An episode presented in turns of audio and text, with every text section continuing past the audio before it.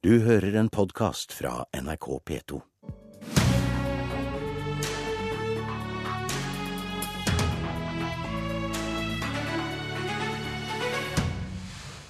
Hvem ga oss de beste svara på hvordan vi skal hindre auka arbeidsløyse, og hvem er den beste til å trygge landet?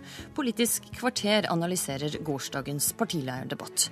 Og med krav om kutt i lønna til kommunetopper knytter raut neven og tar fatt på valgkampen. God morgen, du hører på Politisk kvarter. Ja, det er helt utrolig det som nå skjer. Altså Når Fremskrittspartiet sitter i regjering, så er det tidenes økning i eiendomsskatt i Norge. Det er 45 flere kommuner som har eiendomsskatt på hus og boliger nå enn det var i 2013. Siv Jensen. Dette er jo Det med sant. respekt å melde ikke sant. Jeg er ikke tilhenger av eiendomsskatt. Det er vanlige folk i vanlige hus som betaler denne eiendomsskatten. Og det her er ikke politikk for folk flest, det er politikk for rikfolk flest. Siv Jensen. Ja, Altså, det er, dette er ikke riktig. Det Det er er SSB sine tall, det er ikke mine tall. Det er dine underliggende etater som sier det. Vi hørte her et utdrag fra gårsdagens partilærdebatt på NRK1, og Anne Marte Blindheim, kommentator i Dagbladet. Du mener vi hørte den som var både vinneren og taperen i gårsdagens debatt? Ja, nå var det kanskje ingen som var helt briljante i gårsdagens debatt, men det var jo noen som klarte seg litt bedre enn andre. Eh, og jeg syns Trygve Slagsvold Vedum var veldig på. Han hadde en klar sak når han snakka om kommune. Han hadde tallene sine klare, og du hører at han fikk også en god del applaus. Men Siv Jensen kom på defensiven og klarte ikke helt å svare opp eh, det, det som Vedum sa. Um, hun er jo en eh, veldig troverdig finansminister, Siv Jensen, men det var ikke så veldig mye Frp-politikk hun klarte å få fram. Er det var- dumt for Frp? Ja, sikkert både og det. altså. Hun har jo troverdighet som en, eh, som en dyktig finansminister etter hvert. Men eh, hun sitter jo der som leder for Frp eh, i en partilederdebatt, og da hadde det vært greit å få fram litt av Frp sin politikk også. Kommentator her i NRK, Lars Nehru Sand. Hovedtemaet under debatten i går var arbeidsløysa. Fikk velgerne gode svar på hva de ulike partiene vil gjøre for å hindre økt arbeidsløyse?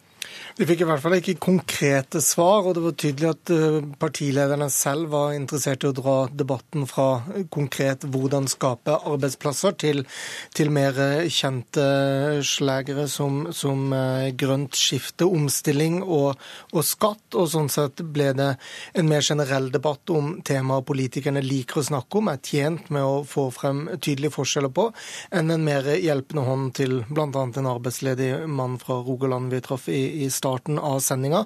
Så ble det riktignok eh, snakka om at man bør satse mer på både maritim næring, havvindkraft og og sånn, Men eh, Arbeiderpartiet spente i hvert fall buen og sa at de i sitt eh, forslag til revidert eh, nasjonalbudsjett vil komme med, med mer konkrete tiltak for å hindre økt arbeidsløshet. og Det er klart at det er noe som norsk økonomi trenger nå, fordi arbeidsløsheten øker raskere enn man, man hadde trodd, selv om det er ventet at arbeidsløsheten vil stige både i år og, og neste år. Mm, ble det litt høytsvevende fra politikerne hva de har tenkt å gjøre med arbeidsløse, Blindheim?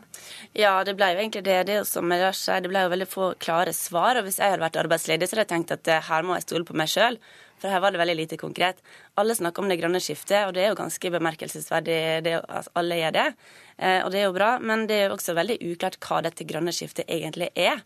Eh, alle snakker om at en eller annen må finne en løsning, og så blir det veldig lite det var, ja, det var dette med havvind som kom fra Lysbakken og, og Hansson. Ellers var det veldig lite konkret, egentlig. Og da blir det en debatt om virkemidler. Og da blir det en debatt om skatt, formuesskatt eller ikke formuesskatt. Ja, Den har vi jo hørt noen ganger. Eh, men men øh, hvem av de åtte partilederne som var samla i går, ga et mest troverdig svar, øh, syns du, da, på, til de som frykta for jobbene sine? Jeg syns det er litt uh, vanskelig å, å, si, egentlig. Som sagt så syns jeg at det, det var uh, lite klare svar. Uh, jeg tenker at det Ja. det ble fort en, en debatt om, om, skatt, som sagt. Og da, da spørs det hva du, hvem du tror mest på. Altså de som sier at det, det er formuesskatten som skal gjøre at bedriften får kapital til å investere, eller de som sier at vi må holde et et uh, jevnt nivå, og heller satse på tiltak for, uh, for ungdom som havner i ledighet osv. Det blir i det hele tatt ganske høytsvevende, som de var inne på. Mm. Riksrevisjonen sin rapport om norsk beredskap var et annet hovedtema. Og ei kort stund der så var det ei rørende semje mellom Arbeiderpartiets Jonas Gahr Støre og statsminister Erna Solberg. Vi er blitt et tryggere land enn det eh, Gjørv-kommisjonen beskrev. Og det gjorde den forrige regjeringen en del med, og vi har gjort en del med det. Jeg har tillit til at Erna Solberg gjør alt hun kan for det. Den rapporten som er fra Riksrevisjonen, den er fra 2011 til 2014. Den sier at dere ikke tok godt nok tak. Jeg har vist at vi har tatt tak. Det var altså ei kort stund ei liten semje her, og, og en litt annen tone enn det har vært i debatten de siste dagene, Lars Nehru Sand. Hva legger du i det? Jeg tror det er lurt av begge de to eh, statsministerkandidatene, for å kalle det det, ved neste valg, å senke garden og løfte dette ut av både partipolitiske skillelinjer og, eh, og blokkpolitikken, men eh, erkjenne at uansett hvem som styrer Norge, så har vi et administreringsproblem eller politisk problem i styringen av en så viktig samfunnssektor som beredskap. Og man har prøvd noe, men man er nødt til å gjøre veldig mye mer for å komme i mål med det. Og Det er en felles erkjennelse. Jeg tror uansett hvilken norsk politiker du snakker med, bør, eh, bør sette høyest på dagsordenen. Og så er det selvfølgelig ikke sånn at vi har noe allergi mot ulike politiske løsninger. Eh, og det vil selvfølgelig måtte prege debatten. Men jeg tror når man har fått det eh, sjokket man har fra, fra Riksrevisjonen, så er det lurt å ikke gå hardt ut og snakke om hva, hva en selv har gjort, eller hvor mye penger de andre bevilga, eller la debatten gå et sånt spor. Men jeg erkjenne at alle politikere i Norge har ikke den rette løsningen og har ikke gjort de riktige tingene godt nok til nå. Eh, og at det er en, en felles erkjennelse uansett hvem som, som måtte styre når eh, slike graverende ting blir, blir avdekket. Men likevel så varte jo ikke denne semja så veldig lenge, Blindheim. Nei, han starter jo med litt ros, Støre, sånn sånn som han av og til gjør, og så slår han til. Eh, og så kommer han inn på dette med sikkerhetselementet til Erna Solberg. Og da er det vel tredje eller fjerde gangen, i hvert fall ifølge Solberg, at han stiller det spørsmålet. Hvordan er den organiseringa på, eh, på, beredskapen egentlig eh, ser ut? Er det statsministeren, er det Justisdepartementet, eller er det dette elementet på statsministerens kontor som egentlig har ansvaret? Eh, og da ble Solberg veldig tydelig på at det er hun har ansvaret.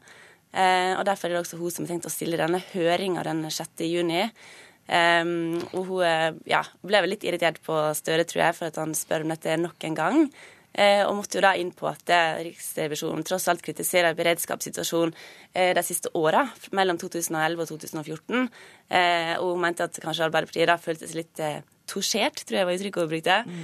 eh, når, eh, når Riksrevisjonen kom med dette her. Eh, som da Støre måtte svare at det kjente han seg overhodet ikke enig i. Kort til slutt, eh, Blindheim. Hvem var det da de to som framsto som den som kan gi oss et tryggere Norge? Nå er det jo statsministeren som har hånda på rattet, og som sitter med hele eh, apparatet her. Eh, og hun har jo nå presset på seg, uh, så vi får jo og Støre også er jo eh, der at han har tillit til at hun vil ordne opp i det. Hun snakker jo nå veldig mye om, om åpenhet, om rapporter osv. Så, videre. så hun vil jo bli målt hvis hun ikke gjør noe med det. Støre er den som, eh, som sitter her og, og, har ikke gjort det her før. Han har masse spørsmål, men, eh, men veldig få svar. Så vi får se. Um, ja. Vi får se. Takk for analysene, Anne Marte Blindheim og Lars Nehru Sand.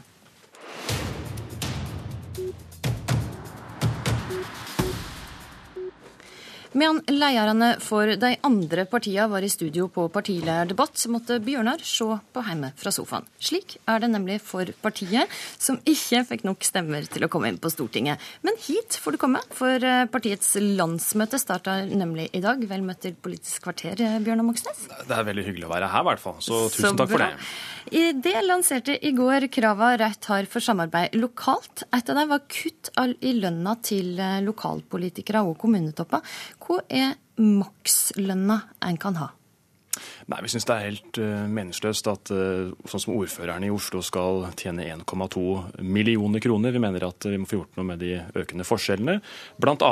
ved at vi må gjøre slutt på at vi har en sånn egen lønnsadel i kommunene. Så det å knytte lønna til uh, den lønna som de ansatte i kommunen har, istedenfor å se hva regjeringsmedlemmene tjener, tror vi er mye lurere. Og et eksempel Hvor, hvor mye makslønna en Nei, altså, ha i kommunene? Altså, folk flest i kommunene tjener rundt en halv million i, i året. Hvis vi f.eks. sier maks 50 mer enn det, så lander vi rundt 750 000 kroner. Det burde være mulig å, å, å ha nok til salt i grøten for. Men det er vel ikke akkurat slik at uh, toppfolka strømmer til norske kommuner for å jobbe der i dag. Uh, får en de beste folka hvis en kutter lønna?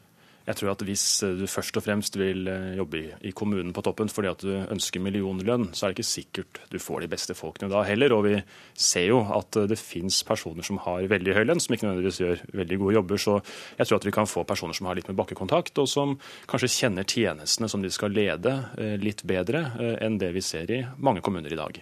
Dette er altså ett av flere krav det har for å godta samarbeid med andre partier i kommunene. Hvor absolutt er dette kravet?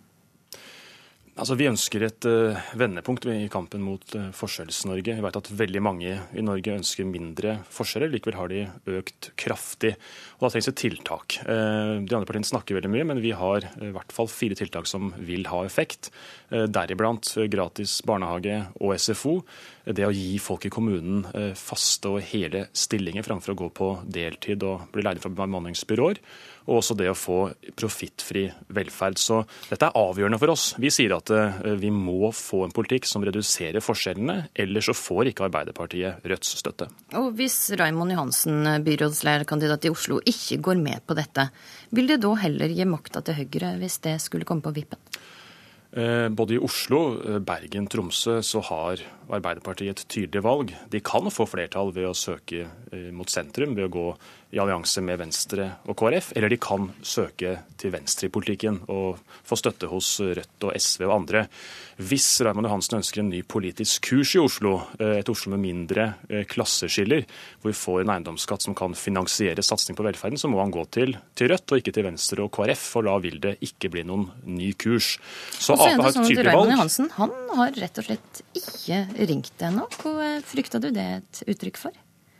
Nei, altså Jeg håper jeg snart får en telefon, så vi kan diskutere eh, hva som skal gjøres i Oslo eh, etter valget. Men det er jo velgerne som bestemmer, og de bør vite at den beste garantien for at Arbeiderpartiet samarbeider til venstre i Oslo, i Bergen, i Tromsø, i Moss, i kommuner landet rundt, er at det fins et tyngdepunkt til venstre for dem, og at Rødt blir sterkt i mange kommuner. Da vil vi lettere kunne få med Arbeiderpartiet på å føre en solidarisk politikk eh, landet rundt. Men Raymond Hansen skal ha visstnok ringt til noen andre? Ja, Det er mulig. Det, får du nesten høre med han om. Men iallfall mitt nummer det står på gule sider. Det er bare å slå på tråden når som helst. Oppfordring til Raymond Johansen der. Også i Bergen og Moss kan det være at Reit kommer i posisjon etter valget. Men det er én by der det ligger spesielt godt an, og det er i Tromsø. Der er det en sjanse for at Rødt kan få sin andre ordfører i Norges historie. Hvor sannsynlig er dette? Det er ikke usannsynlig. Eh, I Tromsø så er eh, Rødt eh, på rundt 8-9 Vi ble større enn SV i siste valg, har holdt stillinga veldig godt siden.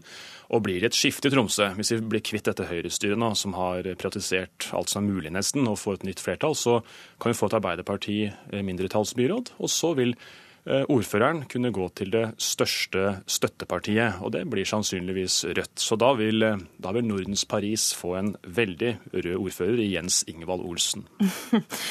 altså, i, i, forrige måned så hadde det et gjennomsnitt som lå et stykke unna Tromsø, nemlig på 1,3% i oppslutning. I Danmark så har eh, søsterpartiet til Rødt, Enhetslisten, som nå går til valg, over 10 hva er det de får til i Danmark som du ikke får til her? De er veldig flinke i NS-listen. Eh, de har både eh, klart å fornye eh, politikken sin uten å gå til høyre politisk. De har klart å finne saker som treffer velgerne. Og så er det nok også et viktig poeng at i Danmark så har du et Arbeiderparti i regjering som fører det som vi vil kalle høyrepolitikk i Norge. Så klart Rommet for et parti til venstre er også en del større når, eh, når sosialdemokratene eh, kutter i velferden og gir skatteretter til de rikeste. Så eh, de er dyktige på å bruke det, det, store rommet som åpner seg. Og så har vi mye å lære. Så vi skal ned til Danmark i slutten av midten av juni og se hvordan de gjør innspurten sin for å plukke opp noen gode triks til valgkampen i Oslo. Men, Men det må ikke... det også nå bli flinkere til å fornye partiet Rødt? Vi må bli veldig mye flinkere på å få fram politikken vår og på å vise at det betyr en forskjell å stemme på Rødt. Mange tror det er bortkasta å stemme på oss fordi vi er såpass eh, små. Men mitt svar til det er jo at eh, det er jo ikke bare størrelsen det kommer an på. Eh, det som er bortkasta, er å stemme på et parti som er stort, sier én ting før valget og gjør noe helt annet etter valget. Eh, stemmer du på Rødt, så tror jeg du kan stole på at, du, at vi står for det vi sier, eh, også når valget er avslutta. Og vi ser at i mange byer så vil Rødt være en nødvendig del av et nytt flertall og kan trekke den politikken til venstre, hvis velgerne gir oss eh, tillit til det. Klokka 10.30 går du på talerstolen for å holde de landsmøtetale. Vi ønsker deg lykke til, og takker for at du varma opp til den i Politisk kvarter. I studio i dag var Astrid Randen. Du har hørt en podkast fra NRK P2.